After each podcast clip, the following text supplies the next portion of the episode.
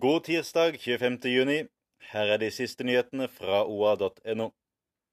Etter mange år i kjellerlokaler der muggsoppen vokser i taket, kan Raufoss bokseklubb nå glede seg over å få plass i nye lokaler når den nye Raufoss-hallen står ferdig. Dette er julekveld, nyttårsaften og 17. mai på samme tid, sier hovedtrener Erik Dalen til OA. Hos Ting og Tøy på Gjøvik er det et stadig tilbakevendende problem at folk setter fra seg ubrukelige og ødelagte møbler i stedet for å kjøre det til søppeldynga selv.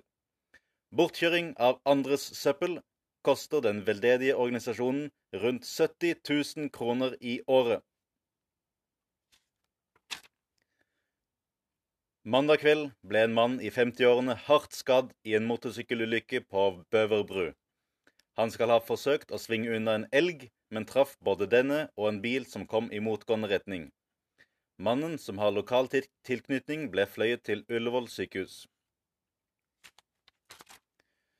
Og så kan du få med deg oppdatering på siste nytt fra næringslivet i Gjøvik. Vi har samlet en hel uke med kunngjøringer. Følg med på oa.no for de siste og viktigste nyhetene fra Vest-Oppland.